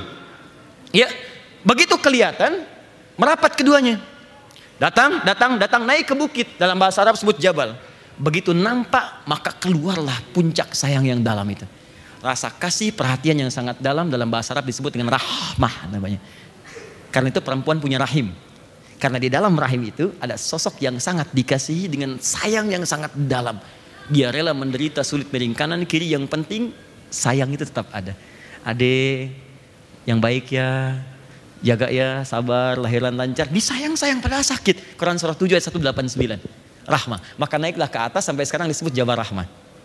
Nah saat bertemu itu, keduanya bertemu, mereka sadar kita pernah berbuat salah, makanya mengoreksi diri di situ. Yang tadi turun Quran surah ke-7 ayat 26 tadi. Jangan sampai terjadi lagi begini. Sampaikan pada anak cucu kita, disampaikan semuanya. Maka disebutlah tempat itu mengenal disebut dengan Arafah. Kenal sifat kekurangan atau kelebihan tambah tak di ujungnya Arafah. Kalau banyak yang dikenal tambah alif dan tak Arafat. Mana yang kedua? Ketika kenal kekurangan maka kita akan mengenal Allah untuk bertobat. Ma'rifatullah. Kenal diri kita ma'rifatul insan. Nah, ini, ini turunan katanya demikian. Maka setelah selesai itu muncullah kalimat tadi. Nah, saat puasa tanggal 9 Dzulhijjah, kalimat itu dimunculkan siam yaum Arafah. Jadi kalau puasa di hari Arafah, jangan sekedar tahan lapar dan haus. Kalau cuma begini, di waktu lain pun sama. Kata Nabi, puasalah Anda sambil melakukan amalan orang wukuf di Arafah, yaitu introspeksi diri. Nanti tanggal 9 ya, mohon izin ya. Begitu Anda puasa, coba yang pernah kerja, berangkat, sambil berangkat, coba dicek Barangkali Anda pernah melalui satu jalan, pernah maksiat di situ. Pernah duduk di meja sendirian di kantor, pernah berbuat salah. Uh, ada kisah nyata, ini nyata, bukan rekayasa, ini kisah nyata. Ada seorang alim, syekh, sangat soleh. Dia punya murid-murid, punya santri. Sedang jalan, akan mengajar. Tiba-tiba di perjalanan dia jatuh pingsan. Muridnya kaget. Karena nggak pernah syekh itu pingsan di jalan. Begitu pingsan, Ditunggu, kemudian bangun, saat bangun ditanya, Syekh, lima umi yang ada, kenapa anda bisa pingsan begini? Perhatikan jawabannya. Wallahi laqad tadhakkartu bi anni huna. Saya pernah ingat ketika lewat sini, saya pernah bermaksiat di sini, saya ingat. Saya takut ketika lewat sini, ingat kejadian itu, takut belum diampuni oleh Allah. Karena ketika seseorang itu bermaksiat di satu tempat, lisannya akan dikunci tempat itu yang bicara. Awas hati-hati ya.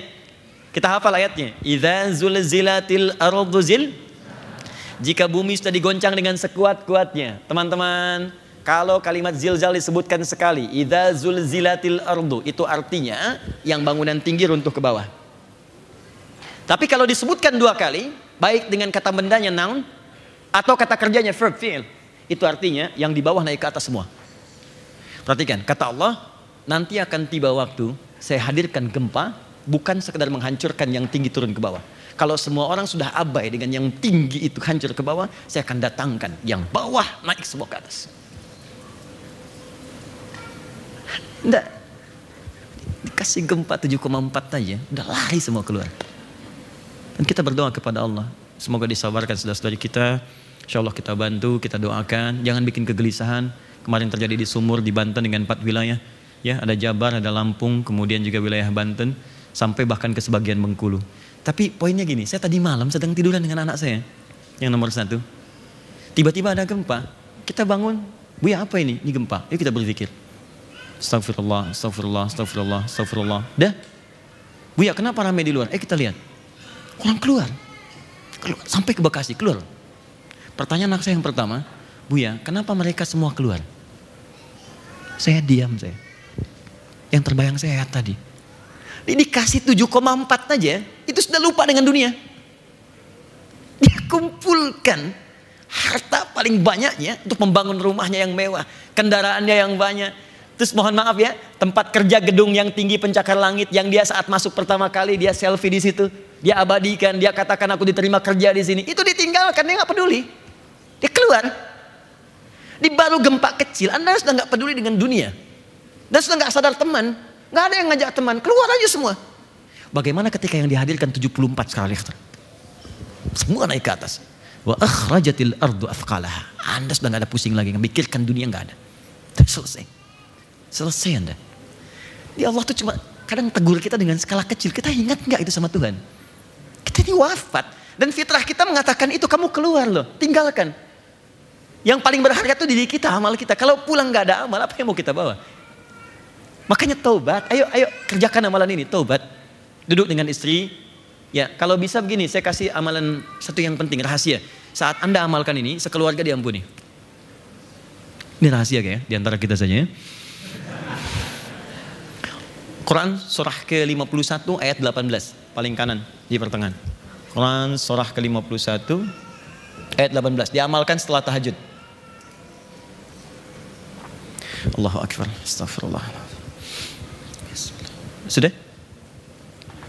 Diamalkan setelah tahajud. Ya. Saya baca dari ayat 15 supaya berurut. Innal muttaqina fi jannati wa uyun. Sungguh ada bagi sebagian dari orang takwa yang akan tinggal di taman surga. Akhidhina ma atahum rabbuhum. Dia akan mendapatkan kenikmatan langsung diberikan oleh Rabbnya Allah. Ya, awas hati-hati. Innahum kanu qabla dzalika muhsinin. Orang ini saat di dunia banyak beramal dengan ihsan. Ihsan itu dikerjakan karena Allah seakan-akan diawasi oleh Allah. Apa amalannya saat di dunia? Perhatikan amalan malamnya. Kanu qalila minal laili ma yahja'un. Orang ini kalau malam sedikit tidurnya, dia bangun salat tahajud, dia tunaikan mendekat kepada Allah. Nah, ayat 18-nya, perhatikan baik-baik. Wabil ashari hum yastaghfirun. Dan di waktu sahar, sesaat sebelum fajar, dia banyak beristighfar kepada Allah. Minta ampun. Dan kalimatnya hum. Hum itu bentuk jama. Huwa, huma, hum. Satu, dua, banyak. Hum, mereka. Jadi kenapa tidak Anda coba ini? Dan itu indah dan dampaknya kepada rumah tangga juga akan tenang. Di saat menjelang fajar, setelah tahajud bareng ya suami jadi imam, istri jadi makmum dengan anak-anak, bangun kita. Setelah itu jangan biarkan berhenti di situ tidak. Sentuh dengan keindahan yang paling dalam, dengan kata-kata kita yang paling indah. Ya, kumpul dengan istri, istri kumpul dengan suami, duduk satu ruangan, mulai keluarkan kalimat itu. Boleh dari istri, boleh dari suami. Mama, mohon maaf kalau selama ini papa belum jadi ayah yang baik. Papa tidak tahu kapan kembali kepada Allah. Mungkin hari ini hari terakhir papa hidup. Mohon maaf kalau selama ini belum jadi papa yang baik. Belum jadi suami yang soleh. Jika saya wafat duluan hari ini, titip keluarga, dan mohon bersaksi di hadapan Allah bahwa kita pernah beramal bersama. Astagfirullah ya Allah, astagfirullah. Istri mengatakan, Papa mohon maaf, Mama juga belum bisa menjadi istri yang soleh, istri yang baik, jadi keluarga dengan baik. Mohon maaf kalau ada dosa di keluarga karena berkat peran mama, oh, mohon maaf. Astagfirullah ya Allah. Yang paling indah ketika anak anda mengatakan, Mama papa maafkan anda, selama ini belum jadi anak yang soleh. Belum bisa memberikan mahkota di hari kiamat, belum hafal Quran seperti yang lain. Lalu semuanya berkata, Ya Allah ampuni kami ya Allah, astagfirullah, ampuni kami ya Allah. Hadisnya hadis kudsi. Diriwayatkan tabakoh pertama, Golongan pertama penerima dari Nabi 30 orang sahabat senior langsung mengatakan ketika seorang bermunajat kepada Allah mengatakan Allahumma ya ya Allah tolong ampuni saya. Allahumma istaghfirli istaghfirli. Apa jawaban Allah? Qala ya ibadi hambaku ghafartulak aku ampuni semua dosamu. Karena itu orang yang mengamalkan poin ini dalam kehidupan rumah tangganya itu akan dijaga oleh Allah selalu dalam ketenangan dan kesulitan akan hilang. Gak percaya silahkan. Setiap menjelang subuh, setelah tahajud, duduk bersama. Koreksi diri. Minta maaf, minta ampun. Ingat Allah itu titipan. Istri Anda akan ditanya. Anda gak akan ditanya tentang saudara Anda. Gak akan ditanya tetangga Anda. Keluarga Anda. Ku anfusakum wa ahlikum nara. Jaga diri Anda dan keluarga Anda dari neraka. Jaga. Itu yang dijaga. Demi Allah saya katakan kalau ya Allah, cobalah sekali aja. Cobalah malam ini tahajud. Ajak suami, ajak istri. Setelah itu rasakan kenikmatannya. Di begitu selesai tahajud, berdoa bersama, istighfar, minta ampun. Begitu air mata mengalir, seakan-akan masalah sudah hilang. Dan ringan hidupnya. Demi Allah saya katakan ringan. Dan Allah akan jadikan hidup kita itu tenang. Enak gitu. Dan dosa nggak ada, hidupnya ringan dan damai. Silahkan coba. Rasakan bedanya, bedakan rasanya, dan pasti akan terasa bedanya. Lain. Ini satu ya. Uh, Tolong tanyakan pada ibu. Yang perlu dihapus. Akhir insya Allah. Ini belum ada yang perlu dihapus dan. Ya, masih saya terangkan. Siap. Boleh di sini. Zakallah khair. Saya kasih tahu tempatnya. Saya tunjukkan yang ini Ustaz. Ininya. Ustaz, kalau mau ngapus pakai yang ini. Izin. Izin. Enggak. Sebenarnya saya, saya mau tunjukkan. Kalau mau ngapus pakai yang ini. Yang sebelah sini Ustaz. Nah, sebelah sini. Ya, Zakallah khair. Zakallah khair Ustaz. Fadal. Saya tahu mana yang harus dihapus. Kalau itu enggak? Enggak. Oh, ini persoalan nih. Saya tuh kenapa saya nggak berikan pada orang? Karena saya takut menghapus yang tidak ingin saya hapus. Sama dengan jihad bisa. Kemudian satu poin. Gak apa-apa. Afwan, afwan. Saya tidak ingin memberikan beban pada apa yang bisa saya kerjakan sendiri. Syukran. Bismillah. Saya hapus sebentar ya. Allahu Akbar. La ilaha illallah. Muhammad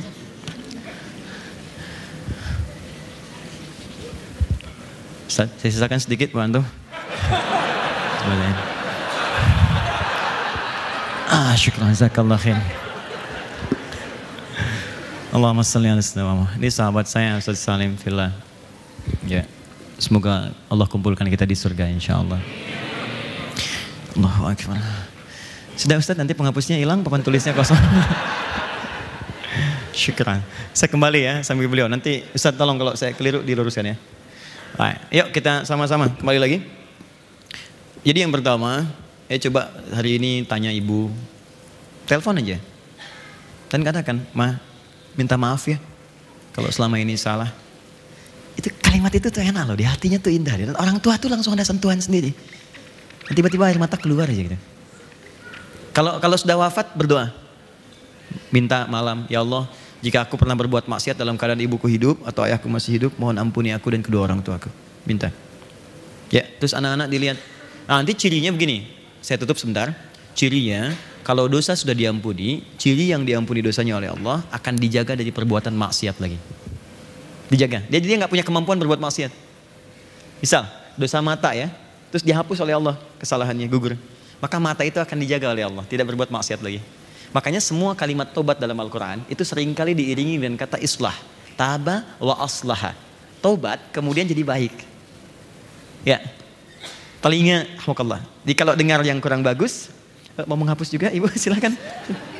Oh iya, baik silahkan. Ini belum bu. ya, sudah. Ya, aman lah. Ya, saya. Oke, dua, saya cepat. Jadi yang pertama amal soleh apa namanya? Tobat ya. Ingat ini ya, ingat kalimat saya. Tobat itu mudah diucapkan, tapi tidak mudah dilakukan. Gampang, tobat, tobat. Buktinya mana? Buktinya mana? Tobat itu butuh pembuktian. Ya. Tobat dari harta yang haram, tinggalkan yang haram. Tobat dari maksiat, jauhi maksiat. Dua. Saya cepat supaya kita bisa berdialog. Dua, bentuk amal soleh yang kedua, amal soleh yang pertama taubat. Yang kedua, saya kasih rumus cepat dari Al-Quran. Kerjakan semua bentuk ibadah yang diperintahkan oleh Allah.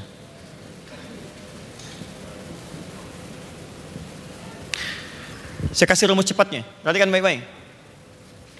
Teman-teman, kalau Anda bertanya, Ustadz, bentuk ibadahnya apa? Supaya saya bisa meningkatkan amalan. Dan saat dikerjakan amalan ini, dia senilai dengan jihad tadi pahalanya. Jadi yang pertama dosa sudah hilang dengan taubat.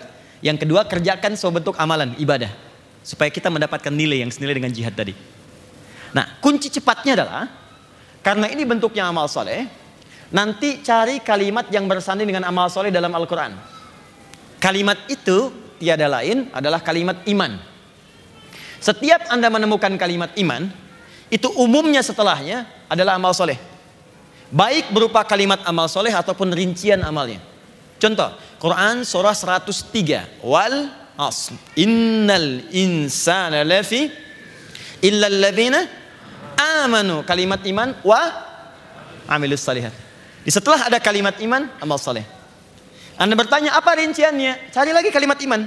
Dari Al-Baqarah terus sampai dengan An-Nas. Dari Al-Fatihah sampai An-Nas. Kalimat iman pertama Al-Baqarah ayat 3. Alladzina yu'minuna bil ghaib, iman. Kemudian setelah itu amal soleh rinciannya. Wa yuqimunas salat. Wa mimma razaqnahum yunfiqun infaq. Walladzina yu'minuna bima unzila ilaik. Al-Quran. Cukup tiga ini dulu. Al-Baqarah 183. Ya ayyuhalladzina amanu kutiba alaikumusiyam. Hey, orang-orang beriman, iman dulu baru puasa. Kutiba alaikumusiyam. Ada puasa? Ah, jadi mohon izin, ayo kita keluarkan sekarang semua amalan ini. Mumpung masih ada tujuh hari ke depan, teman-teman sekalian, tujuh hari. Kalau Anda mengerjakan ini sekarang, maka nilainya, nilai pahalanya bukan 10 lagi, bukan 100, bukan 700. Nilainya senilai dengan jihad. Sudah nggak ada ukuran lagi.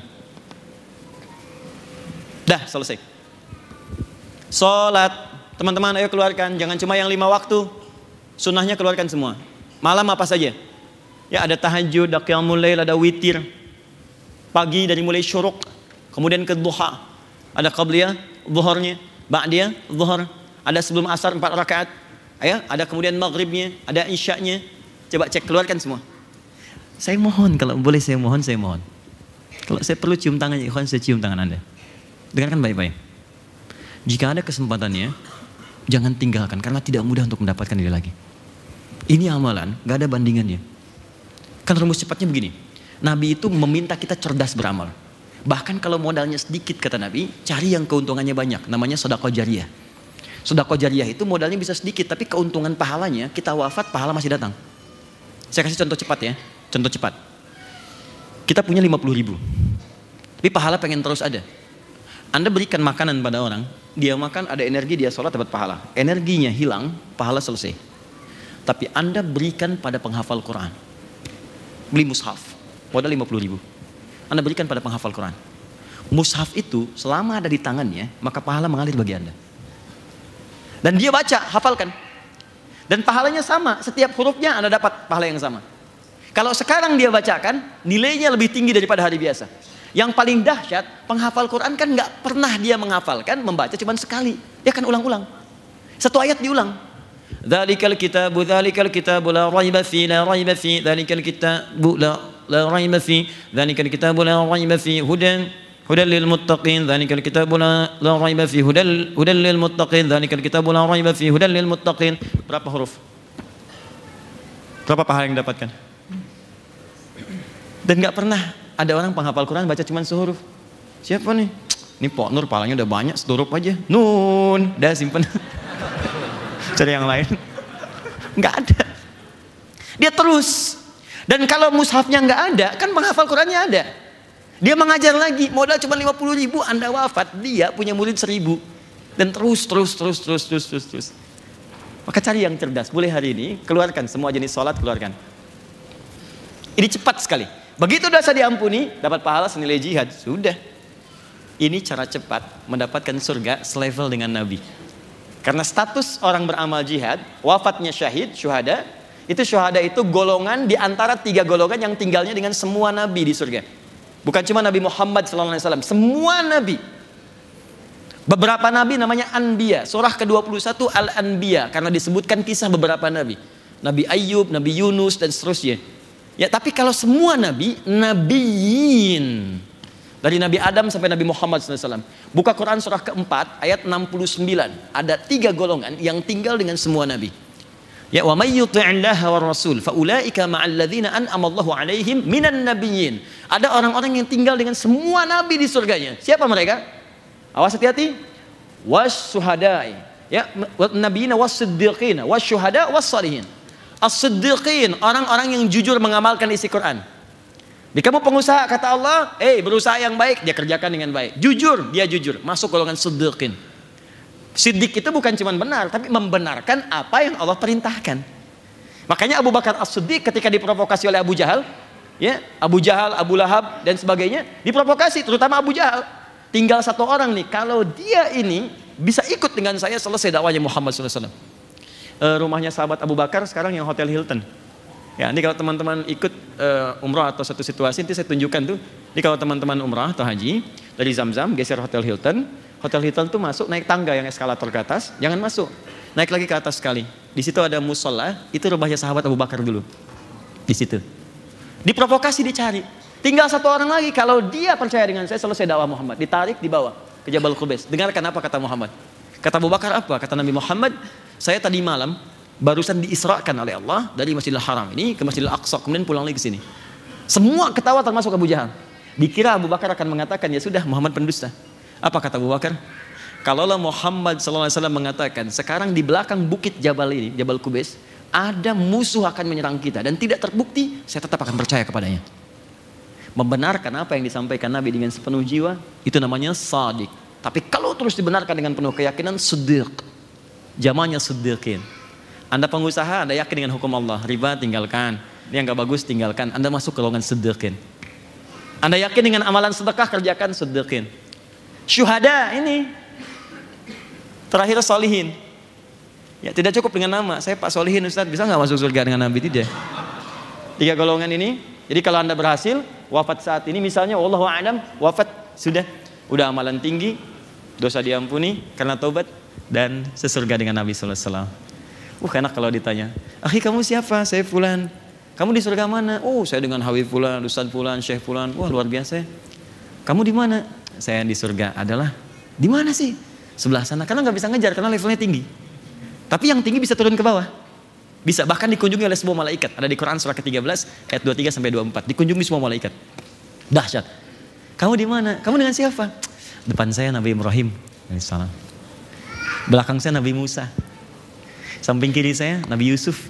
Masya Allah. Ganteng-ganteng Nabi. Dulu ente nonton sinetron ganteng-ganteng serigala. Ini ganteng-ganteng Nabi. Samping kanan saya Nabi Muhammad wasallam. Indah. Nah ini amalannya. Terus puncaknya nanti saat Idul Adha. Bagi yang berkurban siapkan uh, izin ya mengingatkan sebelum kita berdialog kurang lebih ada 20 menit ke depan atau 15 menit lah ya. Kalau sudah berniat kurban, tolong jangan potong kuku dan rambut yang melekat di tubuh sampai disembelih hewannya. Ya, sampai disembelih hewannya. Memang ada yang berpendapat hewan kurban, tapi saya tidak eh, mohon maaf, tidak condong pada pendapat ini. Yang lebih kuat itu jangan potong kuku dan rambut yang melekat pada orang yang akan berkurbannya.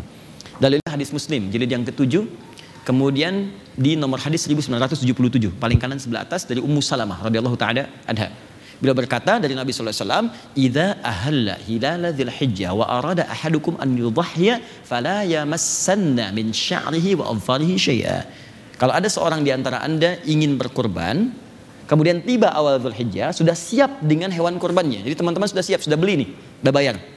Maka jangan sentuh, jangan potong semua rambut yang melekat pada tubuhnya dari rambut sampai bagian bawah plus kuku.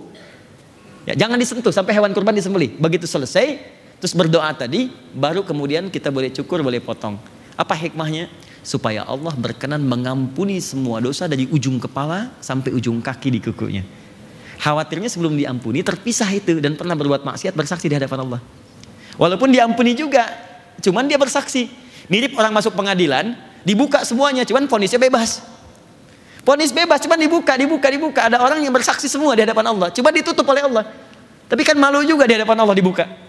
Lebih baik tempat SP3 kan? Gak dibahas, selesai. Dipotong semua, habiskan semua. Begitu di sana membaca Bismillahi Allahu Akbar, lontar jumrah, di sini menyembeli. Sifat hewani kita sembeli. Bismillahi Allahu Akbar dengan bacaan yang sama. Tanggalnya sama, 10. Bismillahi Allahu Akbar. Baru menghadap ke kiblat, inni wajjahtu wajhiya lilladzi fataras samawati wal arda hanifan musliman wa ana minal musyrikin. Inna salati wa nusuki wa mahyaya wa mamati lillahi rabbil alamin. La syarika lahu bidzalika umirtu wa banyak diucapkan tapi yang jarang masuk ke hati. Ya Allah, hari ini aku pasrahkan diriku sepenuh hati dan jiwaku, sepenuh diriku. Jika aku pernah beramal sampai dengan korbanku saat ini, maka semua aku niatkan untukmu ya Allah. Ya Allah, jika aku masih ada punya kesempatan hidup dari mulai saat ini, maka mohon bimbing aku lebih baik daripada hari sebelumnya. Tapi jika aku wafat hari ini ya Allah, mau mati, mohon jadikan wafatku wafat yang baik dalam hari ini. Jika engkau masih berikan aku kesempatan untuk menjalani kehidupan, aku berjanji mulai detik ini, aku akan tunduk patuh pada semua ketentuan. Wa ana minal muslimin atau wa ana awwalul muslimin. Kalau ada orang pertama yang akan tunduk, aku sekarang orang pertama yang akan tunduk ya Allah. Aku berjanji akan jadi muslim yang lebih baik lagi daripada hari sebelumnya. Tidak cukup dengan amin, itu harus kita lakukan. Sembelih hewannya, hadirkan kekuatannya, dan rasakan hasilnya. Nah itu yang saya sampaikan kesempatan kali ini. Saya mohon izin saya simpan dulu untuk fikir salat. Karena saya khawatir kita ketemu bulan depan atau mungkin tidak ketemu tapi kita tidak ingat dengan amalan ini. Ya, selebihnya kita diskusi sejenak teman-teman sekalian. Ada waktu mungkin sekitar 10 menit, 15 menit. Ya sekitar 15 menit ya paling maksimal sebelum masuk ke zuhur. Kalau ada yang kurang jelas atau ingin meluruskan, ingin mengoreksi saya perkenankan dan kita bisa berdialog untuk itu. Ada pertanyaan? Uh, saya mau tanya sebentar, jelas uraian saya? Jelas. Paham? Oh, siap mengamalkan? Oh, yakin dengan isi Quran? Oh, siap mengamalkan? Oh, saya, saya cek ya. Boleh saya cek ya. Quran surah kelima ayat 100 sampai 101. Ya ayyuhalladzina amanu, hai orang-orang yang sudah menyatakan beriman kepada Allah, la tas'alu an asya'a in tudlakum tasukum. Jika uraian sudah jelas disampaikan, maka jangan banyak dipertanyakan lagi. Khawatir banyaknya pertanyaan itu yang jelas nanti menjadi semakin tidak jelas. Yakin dengan Al-Qur'an? Siap mengamalkan? Ah, jelas uraian saya? Ada pertanyaan? Oke, okay. ya silakan silakan. Kalau ada yang tidak terkait dengan hal ini boleh. Saya punya waktu 10 menit ke depan, saya nanti mohon izin. Baik teman-teman, ada yang ingin bertanya, silakan. Wah. Assalamualaikum Ustaz. Assalamualaikum uh, Nama saya Monty. Saya cuman pertanyaannya nggak terkait sama ini boleh ya Ustaz? Oke, okay, boleh boleh. Uh, profesi saya sebenarnya kan saya 3D artis ya Ustaz ya. Saya cuma mau nanya mengenai saya pernah dengar ceramah Ustadz juga mengenai hukum-hukum soal dunia yang menghidupkan nyawa itu. Cuman kan ke sini-sini alhamdulillah munculnya konten-konten baik mengenai animasi ya Ustadz ya. Iya. Apalagi saya juga pernah dengar dari beberapa sahabat saya kayak ada ulama Syekh Yusuf Kordowi dia pernah bilang apabila ada anima, ada konten-konten yang tidak baik, kenapa nggak dilawan dengan konten-konten baik, apalagi di dunia entertainment. Nah, hukum menghidupkan dalam dunia animasi itu untuk konten-konten yang baik, apalagi sekarang bermunculan, alhamdulillah. Itu menurut Ustadz gimana? Apakah baiknya dianjurkan, apa gimana? Oke. Oke, kasih. Saya, saya akan bawa Anda ke nuansa berpikir dulu ya dengan dalil dan kerangka berpikir logika yang kuat. Supaya kita bisa paham ya, kapan ini jatuh haram kenapa? Disebut haram dan kapan dia jatuh boleh disebut halal. Bahkan yang haram kapan jadi halal, yang halal kapan jadi haram. Itu ada dalam fikih. Jadi ada empat jenis. Yang jelas halalnya innal halala bayyinun. Yang jelas haramnya innal harama bayyinun, ya. Kemudian yang ketiga syubhat wa bainahuma umurun mustabihat. Syubhat. Enggak jelas halal dengan haram. Nanti yang paling menarik, yang keempat ada yang halal jadi haram, ada yang haram jadi halal. Ya, dalam keadaan yang sifatnya disebut dengan darurat. Nah, saya mau bicara dulu tentang konteks pertanyaan Anda. Zaman Nabi itu pertama ada gambar, ya, ada patung, bahkan yang tiga dimensi dan sebagainya. Baik, ini dia punya dua penilaian dari Nabi. Yang pertama yang mutlak langsung Nabi benci dengan itu. Bahkan mengatakan kalimat-kalimat yang menunjukkan pengharaman mutlak langsung. Haram, musyrik, turun ayat. An-Nisa 48, ya, sampai disebut lagi di An-Nisa ayat 116 sebelumnya. Ya innallaha la yaghfiru an yushraka bihi wa yaghfiru ma duna dzalika liman yasha. Allah enggak akan mengampuni dosa syirik. Syiriknya apa? Dia langsung tunjukkan pada patung. Di surat An-Najm itu, ya, Lata, Uzza, Manat dan seterusnya. Sebutkan yang disembah pada saat itu. Patung-patung sesembahan, patung-patung kemusyrikan. Ada gambar-gambar yang diagungkan. Jadi kalau ngadap ke gambar itu serasa mendapatkan kekuatan spiritual. Ada. Jadi dulu ada tiga golongan yang dimuliakan oleh jahiliyah. Satu penyair, ya orang di dunia seni sampai turun surahnya surah ke-26 Asy-Syu'ara. Itu dikecam oleh Quran karena sering kali menghabiskan waktu pada yang tidak penting dan sering berbuat maksiat. Misal ayat 224 Quran surah ke-26, wasyu'ara'u yattabi'uhumul ghawun. Ayat 225-nya alam tara annahum fi kulli wadin yahimun. Para penyair itu, orang yang pembuat lirik-lirik ya, seni-seni di masa itu jahiliyah, dia sering menghabiskan waktu pada yang tidak berguna kata Allah. Pergi ke lembah-lembah, sampai lupa dengan istri, lupa dengan anak, lupa dengan keluarga, cuma nyari inspirasi. Setelah datang ilham, kadang minta bantuan jin, balik lagi bikin lirik. Terus cuma disampaikan aja jadi angan-angan. Maka dikenal Emre El Qais, ada Al Khutai'ah, Nabi Goh Azibyani. Bikinlah karya-karya yang paling hebat dituliskan kemudian dengan tinta emas, ditempelkan di Ka'bah, disebut mu'allakat, mu'allakatus sab'ah. Contoh Emre El Qais, kibkanab kimin dzikra habibin wa manzili bisaktili wa bainad dakhuli tempel Nanti di masa Islam diganti ini dengan kain kiswah dituliskan dengan Al-Quran dengan tinta emas sampai sekarang. Yang paling menarik, ketika mereka berperilaku ini, Quran tidak langsung mengecam sampai di situ. Ayatnya belum selesai. Sampai ayat 227-nya langsung muncul kalimat illalladzina amanu wa amilus salihat. Kecuali penyair-penyair beriman yang dia membuat lirik-lirik menjadi amal saleh. Maka muncul Hasan bin Thabit di sana membuat ejekan tentang Islam, di sini membuat puisi membela Islam. Di sana bikin lirik mencela Islam, di sini bikin lirik kemudian memuji Nabi, memuji Allah dan mempertahankan Islam. Dan itu diakui oleh Al-Quran, ditetapkan sebagai syairun Nabi, pujangganya Nabi SAW. Artisnya Nabi. Oke, sisi lain, ada langsung bidang-bidang tadi, gambar, ya, kemudian patung. Yang yang sama dimensi, bahkan tiga dimensi, empat dimensi, Aisyah radhiyallahu taala punya mainan dumyah boneka dari kuda-kudaan. Ada. Sebagian yang gambar-gambar nggak elok, Nabi bilang ini tutup nih, buang Aisyah. Tapi yang lain, kata Nabi nggak apa-apa, pakai aja. Ini artinya ada yang dibolehkan, ada yang tidak. Maka ulama fikih mengatakan ketika tidak dibolehkan sifatnya diturunkan. Semua sifat ini walaupun wujudnya beda, bentuknya tidak sama. Zaman jahiliyah nggak ada animasi. Ya? Yang ada real nyata. Sekarang ada tapi sifatnya sama. Sifatnya kemusyrikan, film kartun tapi dikenalkan dengan unsur agama lain dibawa jadi pahlawan, tapi isinya ajakan untuk menyembah kepada, maaf ya, kepercayaan lain dan sebagainya. Itu nggak boleh, haram hukumnya.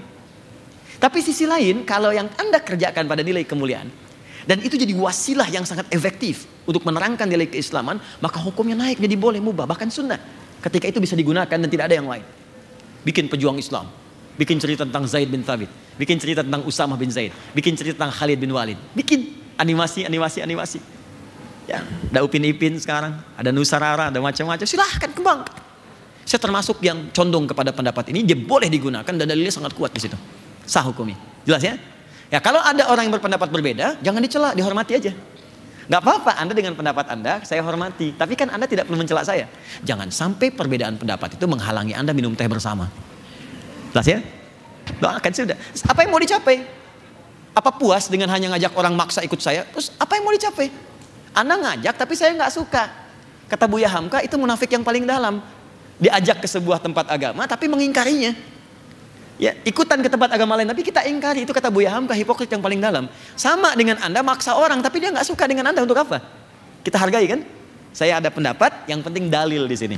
Yang kunut ada dalilnya, yang tidak kunut ada dalilnya. Yang salah yang tidak sholat subuh. Oke? Okay? Ada yang lain? Ustaz Salim. Ah, oke. Okay. Baik. Jazakallah khair. Izin sebentar ya.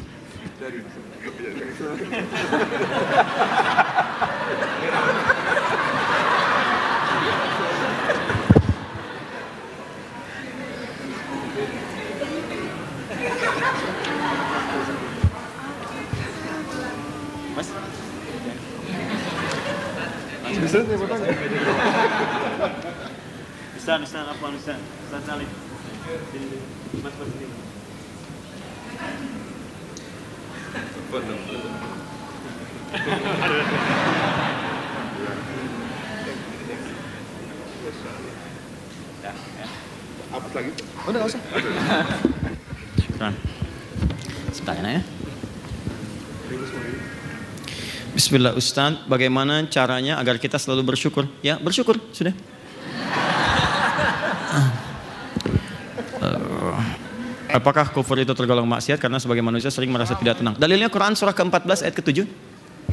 La in syakartum la azidannakum wa la in kafartum inna adzabi lasyadid. Uh, cara bersyukur itu sederhananya adalah mengoptimalkan nikmat yang Allah berikan kepada kita sesuai dengan ketentuan yang telah Allah tetapkan. Saya ulang ya. Ingat bersyukur bukan mengucapkan sekedar alhamdulillah.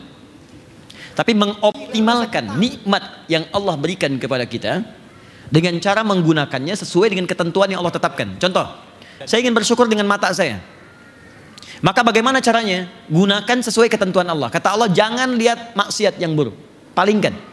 Quran Quran surah ke-24 ayat 30. Kulil mu'minina yaghuddu min absarihim. Ayat 31. Wa kulil mu'minina yaghuddu min absarihinna. Katakan pada pria-pria, perempuan-perempuan yang beriman, jaga pandangannya, alihkan dari yang buruk. Itu syukur.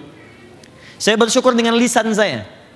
Maka jauhkan dari yang kotor, gibah, ya, mencela. Quran surah 49 ayat 11, ayat 12. La yasra qaumin qaum, jangan saling mencela. La yaktaba'lukum ba'lu, jangan bergibah. Jangan berdusta. Wailul lil mukadzibin. Ya, nikmat dengan harta, syukurnya bagaimana? Zakat, keluarkan zakat. Bahkan kalau perlu, sebelum dikeluarkan, diukur kapan keluarnya. Quran surah ke-9 ayat 103, zakat. Dikeluarkan ke 8 golongan, Quran surah ke-9 ayat ke-60. Kalau masih ada lebih, infak, Quran surah ke-2 ayat 215. Lebih lagi sedekah, Quran surah ke-2 ayat 264. Boleh silakan. Ya, jadi itu yang bisa kita maksimalkan. Syukur dengan fisik ibadah. Salat, ya maksimalkan. Doa dan seterusnya. Allah taala alam bisawab. Kalau kita tidak melaksanakan kurban, sembelih langsung, apakah tidak apa-apa? Boleh, tidak apa-apa. Karena Nabi dalilnya apa? Hadis Nabi Sallallahu Alaihi dari Ali bin Abi Thalib pernah Nabi meminta Ali bin Abi Thalib menyembelihkan sembelihan Nabi, kurban Nabi. Ya, disembelihkan boleh. Kenapa? Karena banyak sembelihan Nabi. Kurban Nabi bukan satu dua, kadang seratus. Ya, Nabi nggak sembelih sendiri. Ada Ali yang menyembelihkan dan sebagian yang lain sembelih. Disah boleh. Cuman saran saya, ketika akan disembelih oleh orang lain, tanyakan kapan disembelihnya. Waktunya kapan? Apakah di Indonesia atau di luar Indonesia? Walaupun kita tidak tahu hewan yang mana, begitu diberitahu jam sekian, hari sekian, pada saat itu langsung menghadap ke kiblat sesuai dengan jamnya, kemudian menghadap ke kiblat berdoa kepada Allah. Ya, Allahumma tolong terima kurban saya.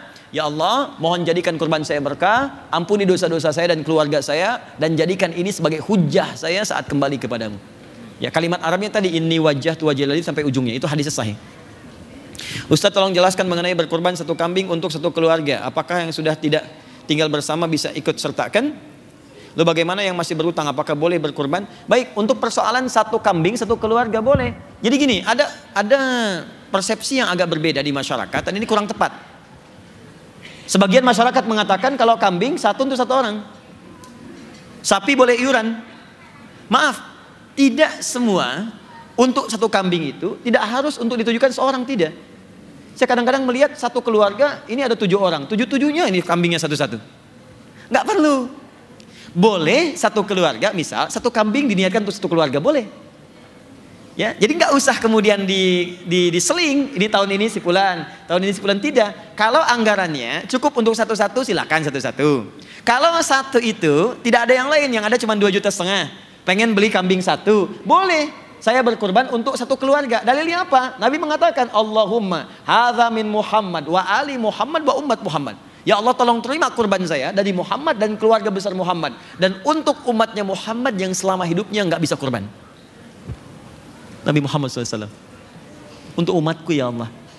Yang mungkin selama hidup dia nggak pernah kurban. Nabi mewakili. Itu luar biasa. Nah jadi kalau punya satu bagian, nggak ada untuk satu orang misalnya, tapi cukup untuk semuanya, maka niatkan, ya Allah ini kurban untuk keluarga saya. Langsung sebutkan namanya. Misal bapak saya namanya Muhammad, sudah meninggal. Saya katakan saya punya uang 2 juta setengah, saya beli kambing. Ya Allah ini kurban atas nama keluarga besar almarhum Bapak Muhammad. Maka ibu saya ikut, saya ikut, kakak saya ikut, adik saya ikut di situ. Ya, jelas ya? Baik. Kalau nggak tinggal serumah boleh, nggak apa-apa. Ya, Anda dengan saudara nggak tinggal serumah dan yakin keluarga besar nggak apa-apa. Ya, kalau ada rezeki lebih, silahkan misalnya. Ya, sapi untuk satu keluarga besar. Atau per orang mau diperorangkan boleh, nggak ada larangan silahkan. Cuman jangan salah persepsi, sehingga ada yang digilir. Daripada digilir, mendingan disatukan semua tahun ini. Paham ya? Allah Ta'ala alam bisawab. Hadis sahih. Terakhir, ada lagi? Oh, ambil yang jauh ya. Silakan mas. Terima kasih Ustadz. Sama-sama. Uh, Assalamualaikum warahmatullahi wabarakatuh. Waalaikumsalam warahmatullahi wabarakatuh. Terakhir tapi dua pertanyaan Ustadz. Baik. Yang pertama adalah tadi dikatakan di awal Ustadz bahwa nanti di akhirat nanti banyak manusia yang menyesali bahwa banyak amalan yang tidak dilakukan. Apakah nanti juga banyak manusia di hadapan Allah itu yang tidak menyesali, artinya malah bersyukur sudah melakukan itu. Itu yang pertama. Yang kedua, tahun lalu Ustadz sudah mengurutkan menurut derajatnya sholat-sholat sunnah. Yang saya tanyakan adalah terkait puasa sunnah itu menurut derajatnya. Itu saja Ustadz. Terima kasih. Baik. Pertama tentang penyesalan di hari kiamat. Quran surah ke-75 ayat yang kedua.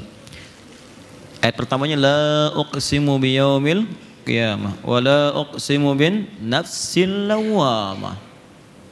Saya bersumpah kata Allah dengan kedahsyatan kejadian hari kiamat. Dan saya bersumpah kata Allah di saat itu banyak orang menyesali dirinya. Dia mencela dirinya, kenapa saya nggak kerjakan itu? Kenapa saya nggak lakukan? Makanya saya sering katakan, kalau orang masuk neraka menyesal, biarkan dia. Tapi kalau masih ada di dunia, kita doakan, kita ajak. Dimohon izinnya teman-teman, kalau diajak sama kawannya, bro ayo sholat yuk, yukti sholat yuk, jangan marah ya. Itu tandanya sayang, jangan marah. Kalau belum bisa ikut, minimal jangan dicela. Tapi dia sayang dengan Anda. Dia sayang. Kalau lagi ngajak ke pengajian, bikin status, gak usah dicela. Tumben kamu soleh sekarang, gak usah. Anda yang rugi. Ya, soleh bukan, saya tetap dude. Ya, cuman saya sayang kamu gitu. Aja, aja, aja, aja. Yang menyesal itu nanti, maaf ya, maaf. Dia masuk surga, biasa baca Quran. Ya Allah kenapa nggak 10 ayat saya bacanya 5 terus? Ya Allah kenapa nggak 20 saya kok di 10 terus gitu? Karena saat dia masuk surga, temannya yang lebih bagus naik level ke atas. Jadi titipin harta, dia zakat keluar, cuman infak tidak. Temannya rajin infak. Ya Allah kenapa saya nggak infak dulu ya Allah? Sehingga saya bisa levelnya sama dengan dia. Itu yang dimaksudkan. Ya. Tapi hati-hati, ada juga yang mohon izin. Ibadahnya bagus, akhlaknya nggak bagus. Ada, jadi nggak berimbang. Ibadahnya bagus, disebut muflis tuh. Nomor hadis 5611 di hadis Muslim, Abu Hurairah. Nah, jadi dia baik tuh, rajin sholat, rajin puasa, cuman mencela juga senang. Ya, maaf berselisih senang. Ada yang bahkan menumpahkan darah. Tu'khadhu hadha min hasanati wa hadha min hasanati. Diambil pahala salatnya, pahala hajinya, pahala infaknya, diberikan pada siapa? Itu yang dicelaknya, yang dikasarinya, yang kadang-kadang diberikan perlakuan zolimnya, itu diambil semua tuh. Makanya kalau sedang dizolimi, jangan menangis, jangan marah. Karena ada transfer pahala kepada Anda. Dari kehidupan kita, itu senang gitu. Ya dunia itu kecil kak, sederhana. Ah, besok meninggal selesai. Saya tuh kadang suka ngetawain orang-orang kalau sedang ngelihat orang bertarung berselisih. Coba ya, dua orang berselisih mendapatkan mobil, dua-duanya meninggal, nggak ada yang dapat. Ya, saya tuh bingung, ini kenapa sampai begini sih? Meninggal juga gitu. Ini nggak usah disesali, terus harta itu cuma titipan, kedudukan titipan, tuh diambil juga. Dan kalau sudah wafat, gelarnya nggak ikut. Ya, apa ketika dikuburkan gelarnya ikut? Tidak. Bahkan saya pun sudah ada hidayat selesai almarhum, sama semua almarhum mantan orang kaya sekabupaten Bekasi. Mantan orang punya kedudukan di Tanah Kusir. Masya Allah. Harap-harap wafat di Tanah Suci, wafat di Tanah Kusir. Oke okay, ya, satu itu. Okay. Dan apakah ada orang bersyukur di luar yang lain? Tidak. Menyesal di yang lain? Tidak. Yang tadi saja. Kemudian amalan sunnah untuk puasa diurutkan berdasarkan prioritasnya. Prioritas yang paling tinggi adalah berdasarkan waktu, mura'atut tauqid, waktu yang jarang muncul. Makanya kalau bersamaan dengan yang sering muncul, yang jarang didahulukan. Misal, Senin Kamis kan sering muncul kan? Tapi kan puasa Asyura, puasa Arafah jarang kan? Makanya ketika Senin Kamis bertepatan dengan Arafah, Arafah hari Kamis niatkannya Arafahnya. Bukan Kamisnya. Tapi berita baiknya begitu niat Arafah, Kamisnya dituliskan pahalanya sempurna. Walaupun tidak mengerjakannya. Bagi yang rutin, apa hadisnya Ustaz Al-Bukhari? Idza maridul abdu aw safar kutiba lahu mithla ma kana alaihi muqiman sahihan. Kalau ada orang punya udur karena sakit atau safar, tidak bisa mengerjakan amalan rutinnya, lalu mengerjakan amalan lain, maka yang rutin tetap dituliskan sempurna walaupun tidak dikerjakan. Akhwat sedang dalam keadaan suci, rajin baca Quran, rajin sholat sunnah, begitu tiba masa haidnya, maka semua amalnya dituliskan pahalanya walaupun tidak mengerjakannya. Ih, alhamdulillah ya ya, kita dapat pahala walaupun nggak mengerjakan, belum tentu.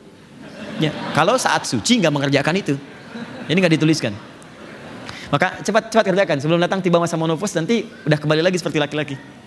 Ya, semoga Allah maafkan kita, kita ampuni dosa kita, memberikan petunjuk kepada kita, menyayangi kita dan menjadikan kita berkeluarga sampai kembali kepada Allah Subhanahu wa taala. Tolong bantu saudara-saudari kita ya, ajak yang belum baik diajak jadi baik. Yang belum baik jangan merasa belum baik, tidak bergabung karena saat Anda berubah maka Anda sedang dicintai oleh Allah Subhanahu wa taala. Yang sudah baik jangan merasa menjadi lebih baik karena boleh jadi itu bisa melahirkan dosa yang menggugurkan semua kebaikan-kebaikan yang telah ditenun. Saya tidak minta banyak dan saya nggak minta apa pun. Seperti saya katakan pertemuan lalu. Ya, saya mohon jangan berikan apa pun. Nah, saya tidak ingin itu. Saya hanya ingin bahwa saat saya kembali kepada Allah ringan keadaan saya. Uh, saya minta doakan saja dalam setiap sujud, dalam berdoa supaya Allah berkenan mengampuni saya dan keluarga itu saja. Dan tolong teman-teman Mas Dimas, Mas Sudir yang lain, jangan kasih amplop, jangan kasih apa-apa yang saya nggak mau. Ya bukan karena buta tolong bukan, saya nggak mau, saya nggak mau. Ya saya pengen datang, jadi saya bisa berhujah gini di hadapan Allah saat saya dipanggil. Ya Allah, saya sudah datang, saya sudah terangkan, saya sudah menulis, saya sudah apa pun yang saya sudah lakukan dan saya nggak minta apa pun ya Allah. Dan kalau mereka belum mau, saya sudah memberikan apa yang terbaik. Tapi kalau harus dihukum, tolong jangan hukum ya Allah, karena dia saudara saya, dia saudari saya. Mungkin sampai di situ yang bisa saya lakukan. Tapi kalau saya sudah bisa memberikan itu, Anda belum berubah juga, tolong tunjukkan pada saya dengan cara apa lagi saya mesti menyampaikan. Saya sudah berbuat sepanjang apa yang bisa saya berikan. Dan saya mohon maaf kalau selama ini saya belum bisa mengajar lebih dari apa yang seperti Anda harapkan. Saya minta maaf untuk kita. Alhamdulillah Rabbil Alamin Ar-Rahman Ar-Rahim Maliki Yawmiddin Iyaka na'budu wa iyaka nasta'in Siratal mustaqim Siratal ladzina an'amta 'alaihim wal maghdubi 'alaihim waladdallin Allahumma salli wa salli wa barik ala habibikal karim rasulika al-amin sayyidina Muhammadin wa ala alihi wa sahbihi ajma'in. Rabbana la tada'lana fi maqamina hadha wa fi kulli maqamin illa ghafarta. Ya Allah kami sangat bermohon kepadamu jika ada satupun di antara kami yang hadir saat ini tengah penuh dengan lumuran dosa. Maka jangan biarkan ia meninggalkan majlis ini kecuali engkau telah ampuni segala dosa-dosanya. Allahumma wa hamban illa farajta.